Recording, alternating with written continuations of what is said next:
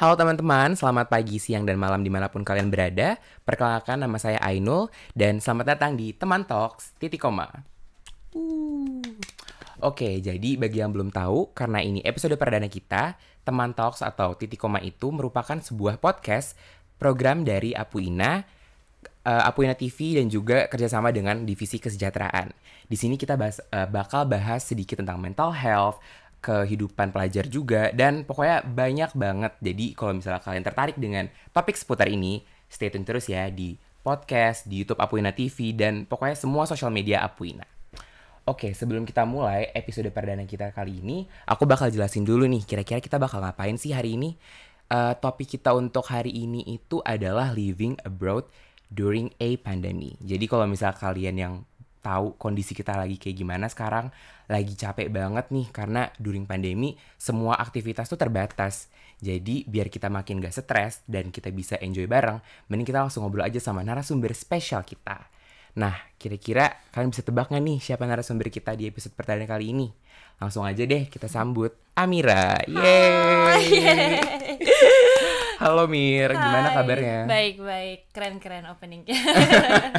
Oke, kebetulan pendengar uh, pendengar kita nih atau yang kita biasa sebut teman-teman hmm. itu tuh masih belum kenal nih kayak siapa sih Amira? Hmm. Boleh nggak sih kamu kenalin diri kamu dulu sedikit aja? Boleh boleh. Halo semuanya. Jadi nama aku Amira. Sekarang lagi tahun kedua di sama di Ritsumeikan Asia Pacific University hmm. di APU. Jurusannya Strategic Management on and Organization. Oke. Okay. Gitu. Berarti kamu belajarnya kalau di Indonesia tuh kayak ekonomi gitu ya, kayak hmm, bisnis. kayaknya sih oh, ya. Oke. Okay. Terus kira-kira kenapa sih kamu pilih jurusan itu? Kayak ini personal banget sih, tapi mesti hmm. aku pengen tahu aja kenapa Amira pilih jurusan strategic man management. Mana ya? Hmm. Kenapa ya? Hmm, mungkin emang tertarik aja sih dengan uh, manajemen dan uh, belajar bisnis. Kebetulan kayak sekarang sebetulnya belum terlalu decide mau jurusannya apa. Cuma hmm. kalau sekarang sih dengan kelas-kelas yang udah aku ambil sebelumnya dan hal-hal yang aku pelajarin, kayaknya interestnya paling besar tuh ke jurusan itu. Ah, uh, I see, I see.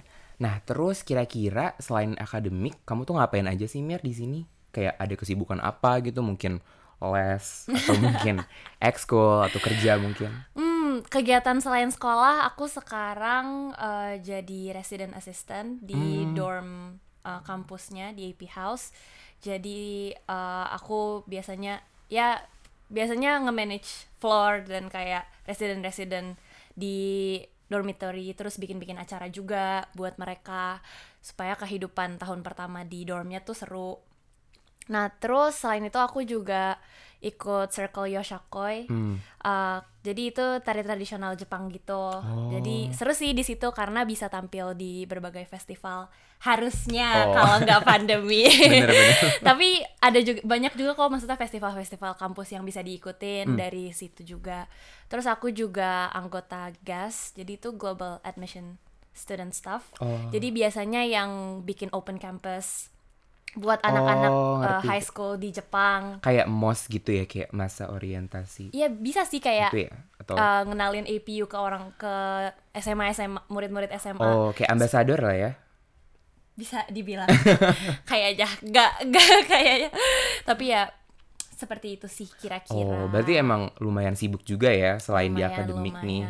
Oke, terus berarti kalau misalnya nggak pandemik nih, kan mm -hmm. kita misalnya berandai-andai. Mm -hmm. Kira-kira kalau misalnya nggak pandemik, uh, Amira tuh bakal join apa lagi sih? Kayak apakah bakal lebih banyak yang kamu ikutin atau mm. justru malah nggak mau ikut sama sekali karena you know mm. pengen jalan-jalan gitu.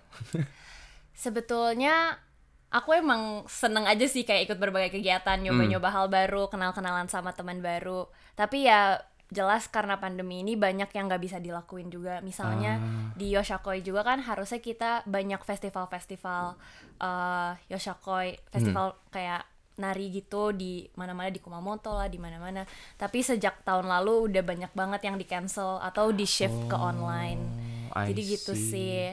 Tapi um, ya susah sih di awal karena sedih juga karena jadinya nggak bisa experience hal-hal kayak gitu. Tapi lama-lama ya banyak opportunity opportunity baru sih. Jadi Ah, festival-festival itu jadi online terus jadi ditayangin di TV jadi kan kayak yang biasanya cuma bisa tampil di festival depan orang-orang tapi sekarang jadi punya apa ya udah eh, punya opportunity untuk tampil di Mm. TV Jepang. Itu jadi kayak walaupun ya jadi one one closed Bener door leads ya. to another Ha-ha. sih. Jadi kayak bener-bener kesempatan yang jarang banget nih kalau misalnya nggak pandemi kira-kira kayaknya nggak bakal dapet Iya, lah ya. iya. oke ngerti-ngerti. Soalnya kayak setahu aku kamu juga masih tinggal di dorm ya yang deket banget sama kampus. Karena kebetulan kita kampusnya tuh sama di Ritsumeikan APU kebetulan itu AP House itu lokasinya tuh agak berbeda sama kota Beppu di mana eh, kampus itu tuh ada. Jadi emang lumayan jauh ya kayak ada 45 Iya. menitan. 40 menit kalau naik bus kira-kira eh, situasi di AP House tuh lagi kayak gimana sih Mir? Hmm, di dormnya sendiri Hmm. sekarang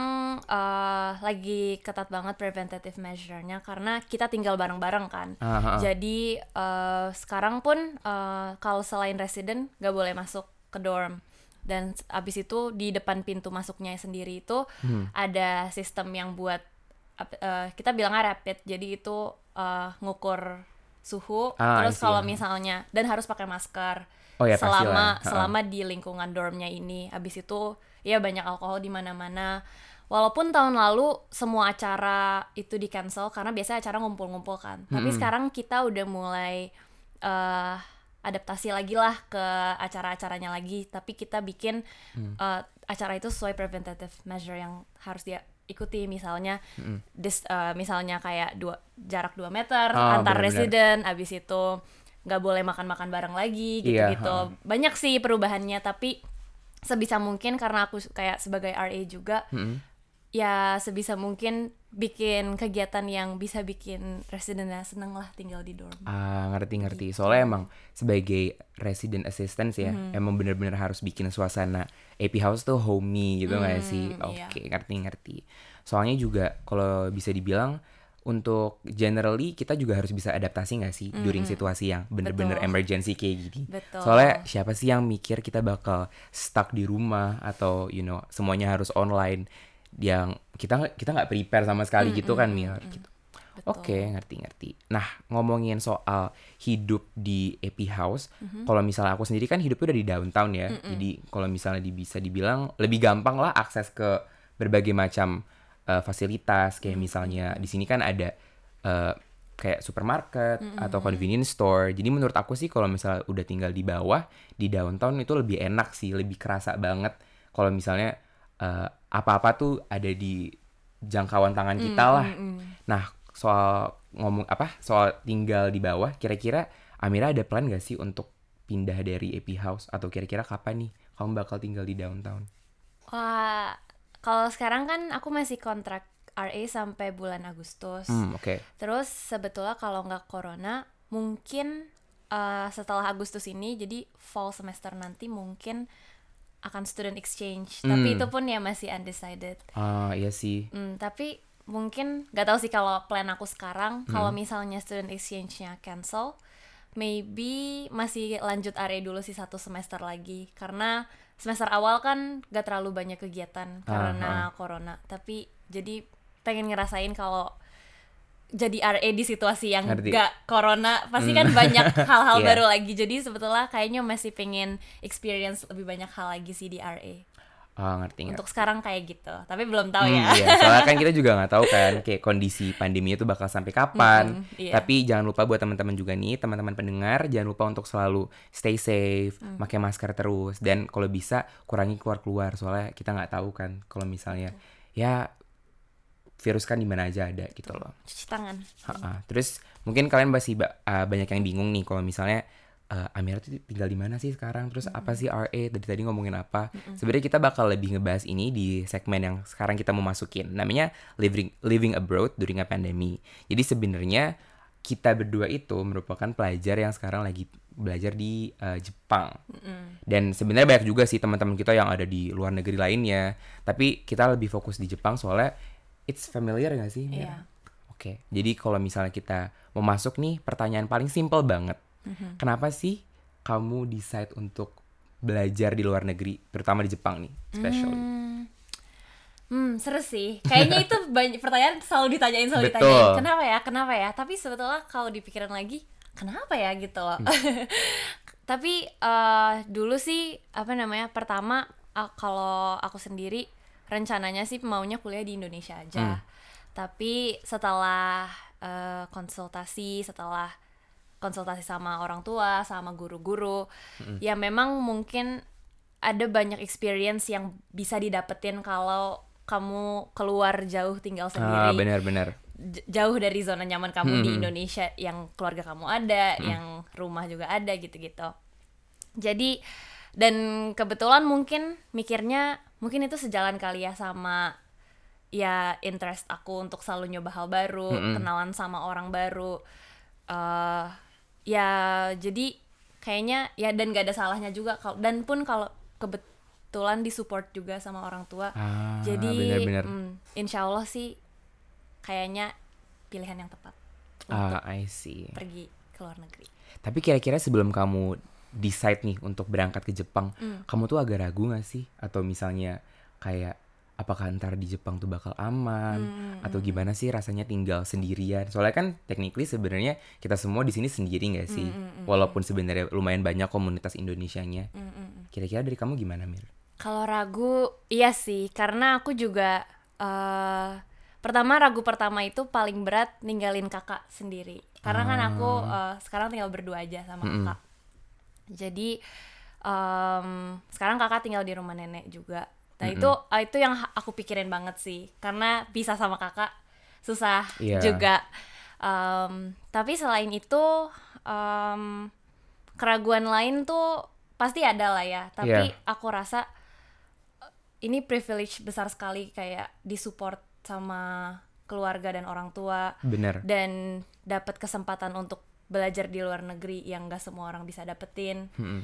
Uh, jadi awalnya pasti susah dan berat sekali, tapi kayaknya makin ke sini aku rasa sih kalau dijalanin ya dengan hati Iya. yang tulus, kalau dijalanin ya dengan baik, Mm-mm. kayaknya sih semua akan baik-baik saja. Oke, berarti cukup optimis ya Mira. Ya, lumayan.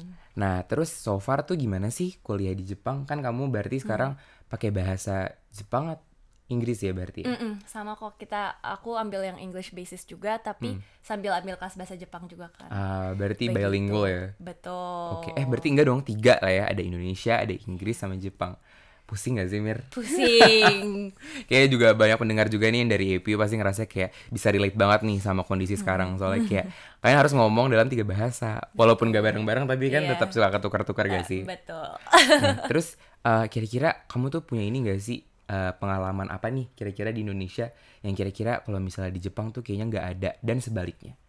Hmm, Soalnya kan kita agak jauh nih ya dari Indonesia. Yang pasti ya aku kangen, pasti Amir juga kangen gak sih?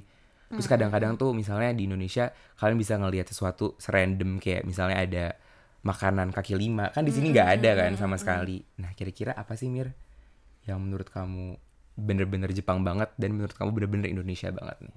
Iya. Kalau Indonesia iya sih, ya lekat banget makanannya. Aku juga di Jakarta jadi kan segala makanan ada. Mau Hmm. Iya, bener. dari mau dari segala penjuru Indonesia juga segala makanan ngumpul tuh di Jakarta. Terus ya makanan-makanan kaki lima, tenda-tenda warung-warung yang murah-murah deket rumah. Hmm. Itu yang lekat banget sama Indonesia dan eh, ojek online Hmm, yang kalau sekarang kan kita di Jepang ya banyak pakai kendaraan umum, bus, kereta. Iya, atau karena- jalan nggak sih? Iya, atau jalan. Tapi pun kalau naik bus atau naik kereta pun kita harus jalan ke bus stopnya Iya. atau ke stasiun kereta ya. Coba kalau dulu ojek online udah tinggal panggil aja Jadi depan males rumah, ya. depan rumah langsung depan rumah bisa langsung jemput kita gitu. Mm-mm. Semacam itu sih yang kayak lekat dan kenyamanan-kenyamanan itu sih yang dikangenin juga ya. Iya, kayak ya comfort comfort foodnya, terus kayak segala dilayanin ada. Mm. Kalau tapi hal yang aku experience di Jepang yang gak bisa didapetin di Indo pun ya pasti juga banyak banget. Apalagi di APU ini ya tadi kenalan sama nggak hanya kenalan sama orang Jepang aja tapi kenalan sama international students juga Ah bener-bener. dan ya which mereka itu pasti datang dari background yang berbeda-beda juga terus punya dan pasti udah datang ke sini dan mostly kan international students pasti pegang scholarship juga jadi Iya. mereka pasti ya keren di jalannya masing-masing Iya, juga bener, kan bener, bener. jadi bisa kenalan sama mereka dengerin cerita mereka Mm-mm. itu bikin perspektif baru dan kayak eh, apa ya bikin ya cara pandang kita lebih terbuka lebih terbuka sih? Ah, dan ah. kayak lebih ya bisa lebih mengerti bisa belajar untuk lebih mengerti orang juga gitu Oh, gitu ngerti ngerti. Soalnya menurut aku emang penting banget sih, apalagi untuk international students mau di Jepang atau di negara lainnya. Menurut aku nih semacam pengalaman yang ya nggak bisa tergantikan lah ya. Soalnya kayak mungkin kalau di Indonesia banyak teman-teman yang udah kenal atau misalnya sejawat gitu-gitu. Tapi kalau misalnya di luar negeri kita harus bisa adaptasi, kita harus bisa menyesuaikan dengan keadaan sekitar dan akhirnya kita juga bisa found ourselves maybe atau found kita klik sama siapa. Dan menurut aku agak susah sih nyari itu kalau misalnya di Indonesia.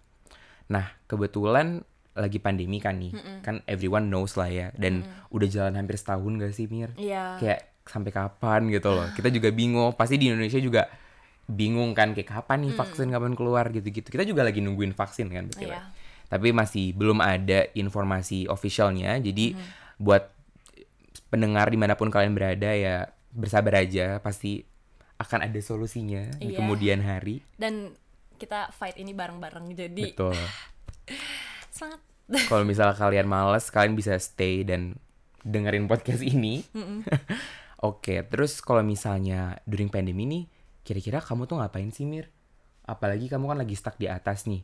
Kalau misalnya kamu belajar gitu, emang biasanya bukannya kalau misalnya aku sih waktu itu sempat ngerasain kan rasanya belajar fisik. Berarti kamu sempat ngerasain gak sih Mir? Belajar yang harus datang ke kelas gitu? hmm, sempet kok semester 1 itu full semester 1 masih Oh masih full, kampus. masih bener-bener ke kampus.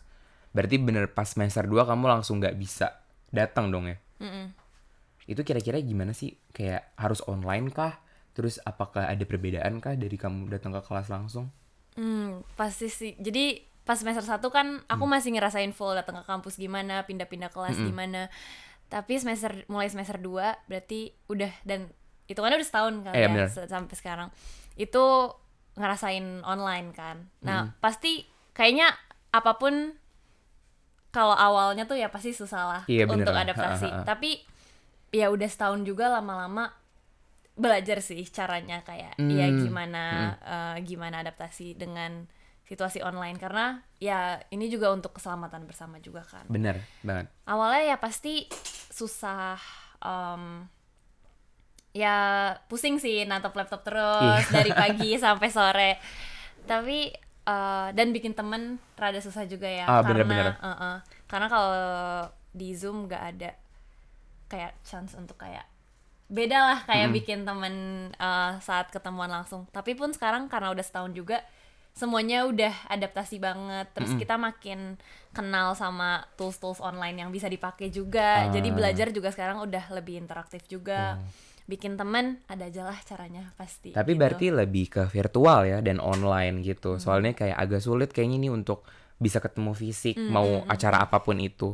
Soalnya aku juga ngerasa kayaknya di berbagai acara-acara atau organisasi di kampus juga udah mulai menggunakan sistem online sih. Iya. Jadi menurut aku kayak ini membantu banget.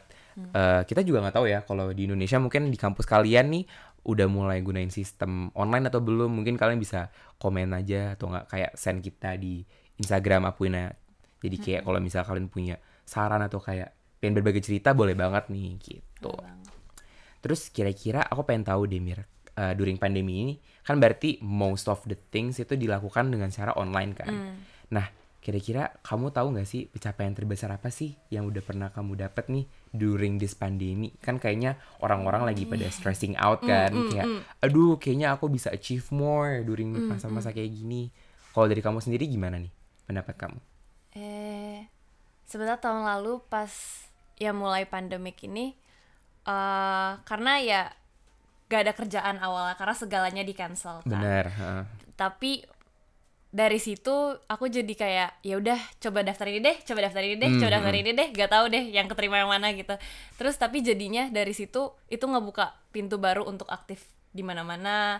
Terus habis itu kenal ngebuka pintu baru untuk kenalan sama orang-orang baru juga dari Bener. situ. Mm-mm.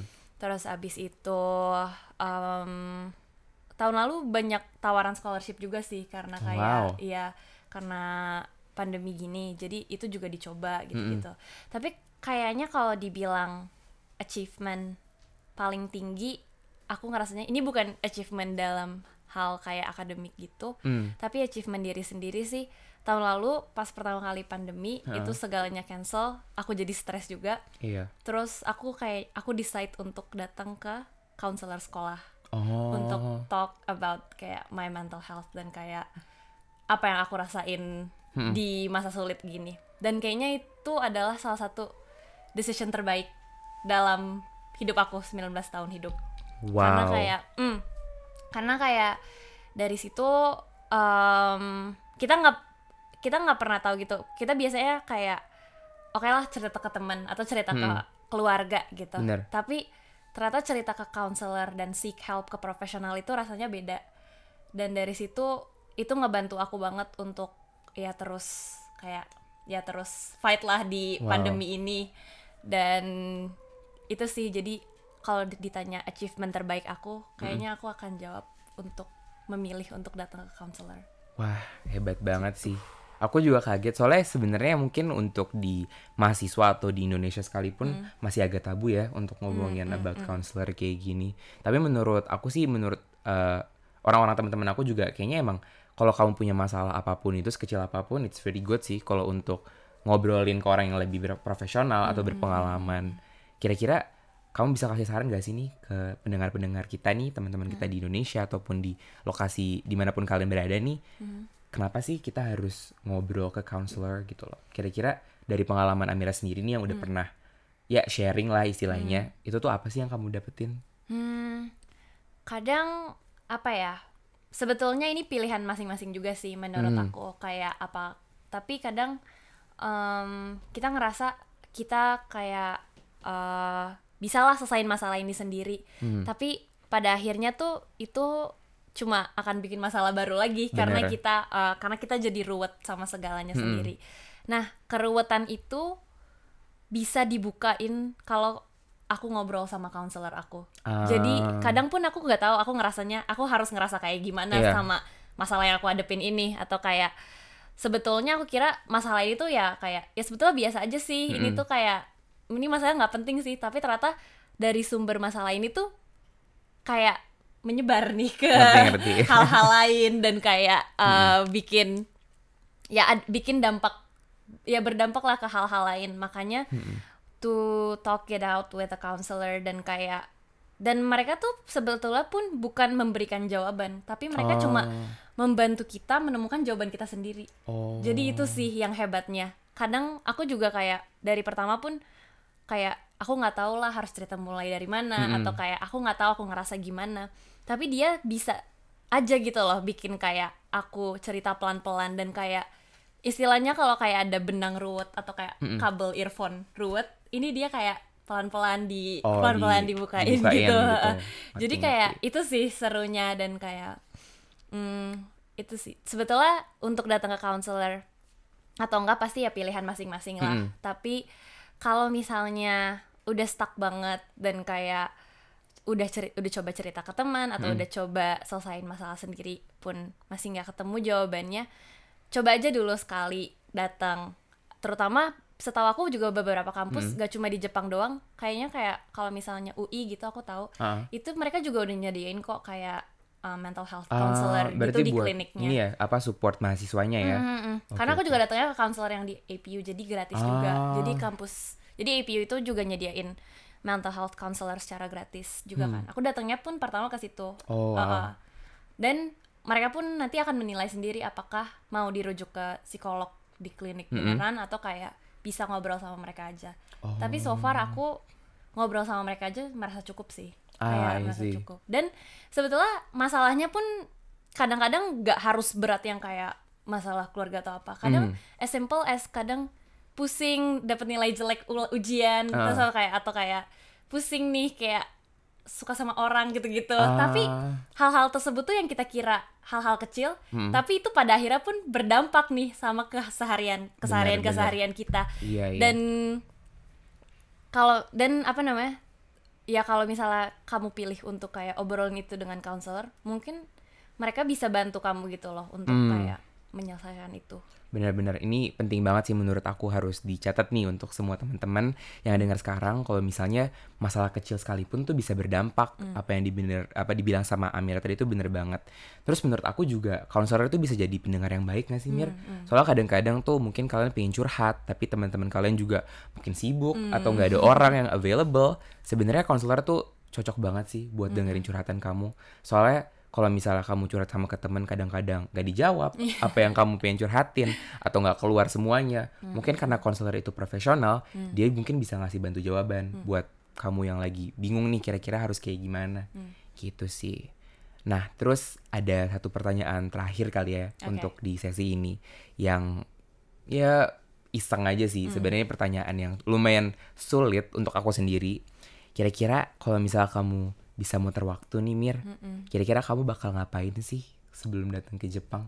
Kayak what would you do di Indonesia gitu. Hmm kayaknya sih belajar bahasa Jepang lebih serius. Jadi dulu se- sebelum datang ke Jepang tuh sempat kan les tiga bulan. Hmm, betul. Eh, apa namanya tapi itu kayak di masa itu kayak lebih keseru-seruan bikin temen aja dan kayak ya gitulah cuma sampai sini kayak baru benar-benar sadar kalau kalau lu gak bisa bahasa Jepang gak bisa nih gak bisa Iya. hidup nih di sini nih gitu Benar, benar, benar. jadi kalau bisa putar waktu balik ke Indonesia sebelum berangkat ke Jepang kayaknya kalau dapet kesempatan untuk belajar Jepang lebih serius Hmm. supaya pas ke sini udah bisa lah bahasa Jepang udah Hmm. bisa jadi kayaknya itu akan sangat membantu karena Ah, benar, hmm, benar. bisa bahasa Jepang membuka segala Iya. opportunity sih di sini. Bener, nih pasti banyak juga nih pendengar yang udah ngerasa relate banget sama Amira. Karena aku juga relate dan mungkin teman-teman juga ngerasa hal yang sama. Apalagi kita kalau misalnya ke negara baru Terus semuanya baru, nggak ngerti apa-apa pasti lost banget kan. Tapi ya untungnya di universitas kita ngasih pelajaran untuk belajar bahasa Jepang. Jadi ya, oh, ya alhamdulillah lah ya. Alhamdulillah ya. Heeh. Oke, berarti untuk sesi ini sampai sini dulu nih. Di sesi selanjutnya buat pendengar yang masih kepo atau penasaran kira-kira gimana sih kuliah di luar negeri tuh kak? Atau mungkin ada pertanyaan-pertanyaan yang udah kalian tanya di question box kemarin kita bakal bahas secara tuntas di question, eh, di sesi Q&A berikutnya. Jadi stay tune terus ya. Nah, teman-teman balik lagi bareng aku, Ainul dan Amira. Nah, di sesi Q&A kali ini kita udah dapat banyak banget nih Mir pertanyaan dari teman-teman yang udah kita kasih di Instagram di eh, kemarin lah ya. Ada question box-nya tentang episode kita kali ini yaitu living abroad during a pandemic. Kita langsung aja nih bahas satu-satu pertanyaan dari kalian semua. oke Pertanyaan pertama, eh, BTW jangan lupa ya ini anonymous, jadi semua nama akan disamarkan dan kita harap sih bisa semuanya terjawab ya pertanyaannya. Soalnya menurut aku menarik banget nih pertanyaan pertanyaan kalian. Gitu. Yang pertama itu dari ya sebut saja Mawar. Kak, gimana sih cara ngadepin stres karena aku tinggal di kos jauh dari rumah. Eh, aku mahasiswa baru di salah satu universitas yang jauh dari rumah aku. Oke, berarti menurut aku ini nggak harus di luar negeri lah ya. Bisa juga di misalnya kamu tinggal di kota A terus kamu kuliahnya di kota B, terus misalnya kamu harus ngekos itu kan berarti kamu ada di suasana baru nih. Kira-kira kalau misalnya dari Amira sendiri gimana nih? Saran atau tipsnya? cara ngadepin stres kan berarti Iya, ngadepin stresnya, ha, bener. Hmm, ya balik lagi sih, kayaknya kan tiap orang beda-beda. Tapi kalau aku sebetulnya as simple as ya kebetulan aku suka masak misalnya. Jadi Heeh. kayak jadi coba-coba hobi eh coba-coba hobi kamu aja gitu loh Ah, misalnya. ngerti-ngerti. suka masak ya udah coba-coba masakan baru coba-coba eh, resep resep-resep baru atau kayak cari-cari hobi baru juga biar benar, kayak eh, biar kayak lupa dah tuh sama si stresnya jadi ya udah misalnya lagi suka masak masak tapi ntar kalau udah bosen main musik aku main ukulele gitu gitu Ah, ngerti. atau nyanyi-nyanyi atau nari-nari tapi kayak Hmm. coba-cobain aja hal-hal baru hobi-hobi baru Hmm. Terus em, atau makan sih Udah. Ah, benar-benar. makan tuh biasanya stres tuh karena nggak makan Iya. jadi jangan lupa makan Benar Ya. benar.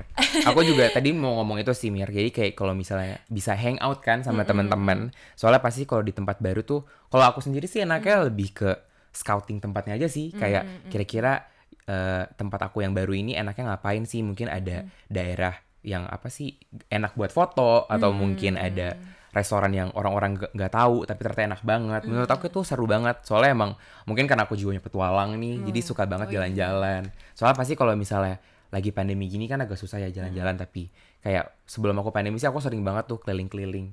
Tapi mungkin kalau sekarang lebih kayak ya mengurung diri Tapi harus. Tapi kan harus demi Iya. keselamatan bersama. Betul, harus Betul. optimis. Kalian nggak apa-apa Iya. kok keluar-keluar kalau misalnya emang harus banget kayak ke taman gitu, bertemu dengan you know nature and stuff. Itu nggak apa-apa banget. Jadi buat siapa pun ini yang kamu nanya, biar kamu nggak stres. Kalau kamu jauh, kita juga sama-sama jauh. Jadi we feel what you feel juga. Coba-coba hobi baru Tuh. dan jangan lupa makan. Hmm, oke. Nah, lanjut ke pertanyaan berikutnya. Ini lebih singkat sih. Dan pertanyaannya in English, how to put away negative thoughts. Oh. Tapi sering lah ya. Pasti Hmm. Pasti ngerasa lah. juga. Kayak semua Iya, iya. pendengar juga pasti teman-teman juga ngerasain gak sih? Kadang-kadang Iya. suka eh tiba-tiba negatif nih pemikiran nih. Gimana tuh kira-kira Mir? He, ya problem ini pasti masih kita alamin juga lah ya Hmm. sehari-hari. Tapi kalau aku sendiri sih, um, ya just talk it out ke teman-teman deket kita Hmm, hmm. atau ke keluarga yang tahu sama kita. Bener. Jadi kadang kan negative thoughts itu datangnya dari kita sendiri. Hmm. Padahal nggak terjadi lah atau nggak ak- belum terjadi atau nggak akan terjadi. Iya. Jadi dan kalau itu tuh bikin kita bisa bikin kita pusing banget atau kayak sedih. Hmm. It's better kalau bisa. Jadi just talk it out to teman-teman terdekat Ah, atau supaya dan mereka pun nanti akan kasih pandangan terhadap itu gimana benar-benar. mereka ngeliatnya gimana karena kadang yang bisa ngelihat kayak sisi positif dari yang terjadi itu tuh kita susah ngeliatnya tapi teman-teman kita yang sebetulnya tahu kita orang-orang Hmm. Iya, terdekat benar-benar, yang benar-benar. percaya sama kita Iya, itu benar. mereka justru bisa Ah, ah, kasih ah. kasih lihat itu tunjukin itu buat kita Iya ya, aku baru nyadar juga sih. Kadang-kadang tuh kalau misalnya kita lagi negative thinking atau pokoknya lagi mumet aja nih otaknya, biasanya kita sendiri nggak nggak sadar nggak sih? Mi? kayak malah teman-teman terdekat kita nih atau justru orang baru yang kayak ngerasa, ih dia orang lagi kenapa sih? Gitu. Menurut aku bener banget sih apa yang Amira bilang. Dan buat siapa pun yang nanya ini sebenarnya kita juga harus tahu nih kamu kenapa negative thinking atau ada negative thoughts? Mungkin kamu lagi stres kayak yang pertanyaan pertama tadi atau lagi banyak pikiran atau kayak misalnya kamu ngerasa nggak accomplish anything. Soalnya menurut aku rentan banget sih during pandemi ini tuh kita ngerasa nggak gimana ya kurang produktif lah gitu. Tapi menurut aku kalau misalnya masalahnya kurang produktif nggak apa-apa banget sih. Kayak gimana ya menurut aku during pandemi kayak gini di kondisi yang serba baru semuanya semua orang kan adaptasi ya. Kalau misalnya kamu ngerasa negative thoughts menurut aku it's very normal. Soalnya kayak kita sebagai manusia normal kan pastinya harus berasumsi dong kira-kira apa yang akan terjadi di esok hari atau kira-kira bakal kayak gimana nih menurut aku satu atau dua kali negative thinking is okay tapi kalau udah berkali-kali kayaknya agak lumayan eksesif ya Mir menurut aku sih untuk menanganinya bisa lebih coba cari kira-kira kamu tuh yang bikin kamu senang tuh apa sih gitu loh. ya. Soalnya pasti semua orang beda-beda kan. Kalau Amira sendiri tadi kayak apa yang bikin kamu senang nih Mir? Simple as makan Hmm. dan ngelakuin hobi-hobi yang aku suka aja nyanyi nari masak Ah gitu-gitu. bener-bener. Jadi kayak kalau misalnya kamu ngerasa diri kamu udah mulai, aduh udah mulai negative thinking nih, langsung deh kamu alihin dengan do something else yang make you positive, whichever it is. Asal jangan merugikan orang lain dan tetap patuhi protokol kesehatan. Oke, thank you ya buat udah nanya. Terus lanjut aja nih ke next question. Eh, gimana sih biar gak stres ngadepin tugas yang gak sedikit, apalagi di rumah terus? Hmm, mirip-mirip nih ya, Hmm, sama yang pertama tapi dari angle-nya tuh akademik. iya Nah, pasti ya kita kita bisa jawab lah ya. Heeh. Dari Amira dulu deh, gimana nih? kalau aku sebetulnya kalau aku ini dulu sih aku tuh procrastinator Oh benar. jadi nunda tapi selama pandemi ini aku rasa aku gak bisa procrastinate karena banyak banget kan tugas Hmm. kalau aku tunda-tunda itu akan numpuk di akhir dan malah bikin aku stres Wah, makanya kalau aku sekarang jadi as soon as aku dapat tugas baru biasanya nih misalnya semua tugas nih ada Hmm. itu biasanya aku eh, lihat deadline-nya, ter- aku urutin deadline-nya dari yang terdekat sampai yang terjauh. Abis itu aku lakuin dari yang tergampang sampai ke tersulit. Wah, benar-benar benar. Dan jadi selalu kayak gitu ritmenya. Dan dan itu Indian kayak nah itu bisa jadi selesai semuanya. Jadi Kalau lebih ini stres gak ya. sih Mir kayak priority list gitu. Yes, yes, Oke, yes. oke. Kalau stres ya pasti ya sem- kita semua stres sih dan ya mungkin kita harus ngerti juga mungkin kadang-kadang yang ngadepin pandemi ini ya nggak murid doang, guru-guru Ah, juga, benar. sistem sekolah segalanya juga mereka kita semua nih ngadepin pandemi yang Benar. sama gitu. Jadi kadang ya sebetulnya ini ini berat untuk kita tapi ini berat untuk kita semua gitu loh. Ngerti. Jadi aku sih berusaha ngertiin itu aja walaupun ya pasti berat juga aku ngejalaninnya. Cuma sekarang aku kalau aku sendiri coba untuk jangan procrastinate. Ah, benar-benar. Hmm. Aku sebenarnya juga punya masalah yang sama sih Mir. Sama malah kayaknya sampai sekarang masih procrastinate. Apalagi Hmm. mungkin karena lebih menurutnya lebih bukan lebih gampang lah ya, tapi lebih simple mungkin Hmm, untuk di- bisa dibilang soalnya kayak during pandemi kan kebanyakan kelas yang kita lakuin tuh online ya, Hmm, nggak tatap muka langsung. Iya. Jadi terkadang juga tugas-tugas tuh lebih kayak yang bisa dikerjain di rumah Hmm, gitu loh. Jadi mungkin buat teman-teman yang pendengar juga nih yang udah ngerasain gimana rasanya online learning atau e-learning, pasti juga ngerti nggak sih kadang-kadang ah ya udahlah kerjain nanti aja gitu. Soalnya di submitnya juga online. Kayak ada rasa kayak ini tuh bisa dikerjain nggak harus sekarang gitu loh. Nah menurut aku bener banget yang Amira bilang untuk nggak procrastinate karena biasanya tuh yang hal-hal kecil-kecil kayak gini yang kayak aduh tugasnya gampang mungkin bikin esai satu halaman bisa jadi 15 halaman kalau misalnya kamu tiba-tiba ada tugas yang sama tapi dari kelas-kelas lain. Jadi untuk siapa pun yang nanyain ini sebenarnya bener banget sih untuk eh, nggak procrastinate biar kamu nggak stres gitu. Tapi sebenarnya ini pertanyaannya biar nggak stres pasti ya aku rasa balik lagi sih ya tiap orang punya cara belajarnya masing-masing. Ada orang yang emang nyaman aja procrastinate dan Indian mereka juga get things done. Tapi Hmm. jadi kayaknya hmm, coba cari aja cara yang paling cocok untuk kamu untuk belajar dan cara ngerjain tugas. Pasti kan ya kayak aku punya cara sendiri, Aida Ah, punya cara benar-benar. sendiri. Dan ya pasti cari tahu dulu kamu gimana enaknya ngerjain seluruh tugas itu. Cari tahu kamu gimana belajarnya supaya bikin kamu nyaman juga sih kayak di Hmm. Per hal-hal tugas-tugasan ini. Gitu, Bener. tuh. menurutku. Menurut aku really good, great tips from Amira. Oke, terus uh, next question ya, lanjut ya. Uh, ini in English juga nih. What are the main challenges living abroad during a pandemic, and how do you cope through? Hmm, kira-kira challenge terbesar during pandemic itu apa nih untuk Amira? Kalau aku dulu nih misalnya, kalau misalnya aku kayaknya lebih ke uh, surviving sih, kayak daily life, kayak misalnya sesimpel makan atau misalnya sesimpel pengen jalan-jalan. Soalnya kan aku juga orangnya very extrovert dan kayak outgoing. Aku tuh nggak bisa banget yang namanya di rumah doang. Jadi kadang-kadang tuh it's very stressful dan limiting banget kalau misalnya aku harus terus-terusan di rumah belajar tidur makan belajar tidur makan kayak nggak bisa gitu. Tapi aku sih cope-nya adalah dengan ngobrol sama teman sih. Kadang-kadang misalnya aku kan tinggal di apartemen nih Iya. bisa ja- main aja ke apartemen eh, teman yang tapi satu gedung gitu. Jadi iya, iya, iya. limit yourself from doing you know or contacting with coronavirus tapi kamu juga tetap happy gitu loh. Soalnya kan kalau misalnya ya contohnya kalian main The Sims gitu. Pasti kan Sims kalian pengen lah ngobrol sama orang gitu. Walaupun kalian udah pakai laptop nih ngobrol juga tapi masih bosan jadi kayak harus ada real life-nya kalau dari Amira gimana kira-kira What are the main challenges living abroad during a pandemic? Aku rasa kita kuliah di luar ini kita part time job kan. oh ya benar-benar Nah, salah satu challenge terbesar itu tahun lalu banget nih, Hmm. pas mulai mulai mulai corona, aku dipecat dari tempat part time job aku karena ya mereka mengurangi Hmm. Benar. mengurangi pekerja kan. Dan itu pasti ngaruh dong ke ya financial planning Iya, kita benar, gitu loh. benar. Biasanya kita tahu bulanan dapat segini atau kayak bakal kerja itu. Dan itu ngaruh banget. Tapi dari situ sebetulnya ya pasti itu berat juga awalnya buat aku. Tapi dari situ aku buka kan, buka Iya. kursus bahasa Jepang oh online. benar-benar aku Kalau pernah lihat belajar kontak aku ya. langsung kontak BTW. BTW. ada di sini IG. Iya, ada di sini. BTW, tapi maksudnya ya gitu lagi yang ya one aku jadinya selama pandemi ini selalu percaya kayak ya udah one closed door tuh pasti leads to another.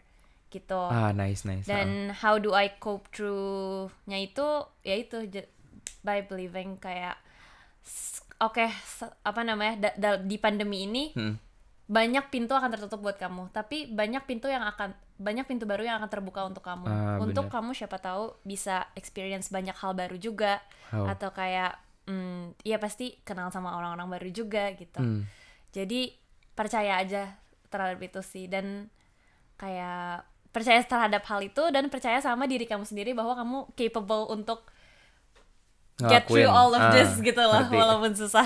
That's a very nice quotes though yang kalian dengar tadi. Kayak walaupun ada pintu yang tertutup tapi bakal ada pintu yang terbuka juga. Karena menurut aku everything happens for a reason gak sih. Jadi kayak menurut aku walaupun during pandemi kayak gini masih tetap harus optimis gitu untuk ngelakuin sesuatu. Yes. dan mungkin bagi kalian yang bertanya-tanya nih kayak oh demi apa sih kamera udah kerja atau yang lain kerja atau gimana? Sebenarnya untuk kita kita nih ya eh, di Jepang ini kita ada part time job tapi kayaknya semua negara Semua. dia ada juga gak sih namanya part time job? Mungkin di Indonesia juga kalian mungkin ada yang part time Beberapa, job juga gak sih? Iya. soalnya kayak menurut aku it's very helpful kan untuk financial planning dan kayak untuk nambah-nambah uang jajan. Betul. Menurut aku it's something great to do. Jadi selain kalian akademik kalian juga ngelatih skill kalian nih hard skill kalian untuk kerja langsung. Gitu.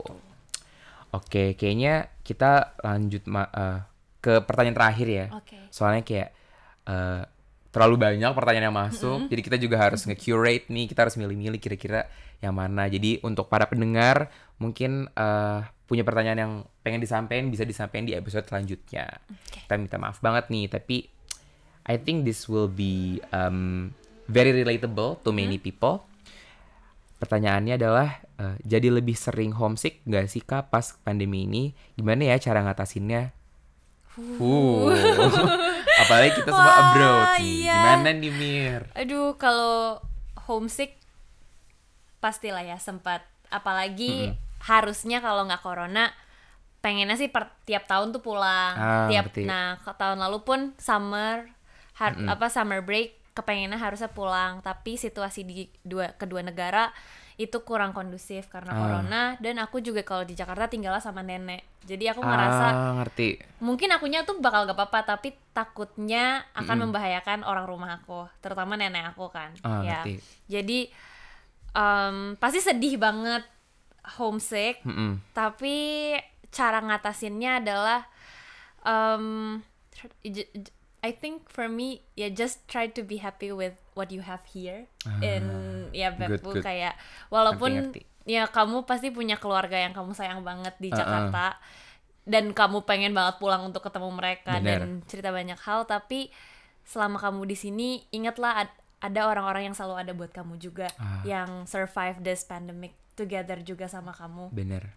yang ngadepin masalah ini juga bareng-bareng Mm-mm. terus jadi hmm, kalau aku sih ya berusaha berusaha senang dan berusaha apa ya eh, ya berusaha senang aja dengan hal-hal yang ada di sekitar aku sekarang yang ada buat aku sekarang gitu Ah, ngerti. Soalnya emang siapa pun yang nanya ini bagus banget sih menurut aku. Soalnya kayak aku Lekat juga ya, lekat. karena pernah homesick juga dan pasti semua pendengar juga ngerti lah rasanya gimana. Jauh dari tempat kalian, jauh dari zona nyaman, terus harus kayak adaptasi. Menurut aku homesick is a very natural thing to feel. Dan kayak kalau dari tanggapan aku sendiri sih aku kalau misalnya udah mulai kangen ya paling pertama pasti kontak lah ya siapa pun itu. mau temen kayak mau family yang ada di ya di Jakarta tempat aku eh, dulunya sebelum ke sini terus mungkin kalau misalnya kalian pernah punya barang-barang yang bisa nge apa ngejog your memory kayak misalnya kamu punya sesuatu yang dari oh ini aku belinya di Jakarta atau mungkin kamu belinya di kota lainnya terus kayak ya bisa di Ya, ya, you know kayak jadi ngebawa kalau misalnya kayak wah kayaknya seru nih kalau misalnya aku di sini gitu. Terus paling terakhir coba cari aja yang bikin kamu familiar kayak misalnya kamu suka banget di Jakarta karena makanannya. Mungkin kamu bisa coba bikin-bikin makanan yang sesuai sama lidah kalian masing-masing lah ya. Kayak misalnya makan favorit kalian apa waktu di Indonesia. Mungkin kalau ada waktu lebih kalian bisa bikin tuh. Kayak kalau teman-teman aku sih sering tuh bikin tiba-tiba ada bikin eh, pecel gitu-gitu atau enggak soto ayam. Kayak kan susah ya kalau misalnya di Ja- eh, di Jepang jadi kayak tapi seru sih jadi eksperimen-eksperimen bener walaupun rasanya mungkin ya berbeda tapi kayak menurutku lebih experience sih yang, yang dicari gitu Oke, kayaknya eh, segitu aja ya pertanyaannya dari teman-teman. Thank you banget nih udah nanyain dan gak kerasa kayaknya kita udah lumayan lama nih ngobrolnya nih Mir. Jadi eh, mau gak mau kita harus pamit undur diri dulu. Thank you banget Amira Thank you banget I udah know, nyiapin seru-seru. waktunya. It's a very nice talk btw. Iya, Dan thank you banget, menurut ya. aku eh, pendengar lainnya kalau misalnya kalian mau request kira-kira kak aku mau ngobrol sama ini bisa banget tinggal tulis aja di IG kita di YouTube kita dan kayak siapa eh, mau siapa pun itu kalian tinggal request. Dan kalau misalnya feasible atau you know bisa mungkin eh, pendengar kalian juga bisa nge-send question yang bener-bener very important nanti kita bakal masukin ke salah satu sesi di next next episode gitu. Hmm, seru seru seru. Oke, okay, jangan lupa untuk follow IG Apuina, subscribe YouTube-nya dan stay tune for next episode. Aku Aino. Aku Amira. Bye bye. Bye bye.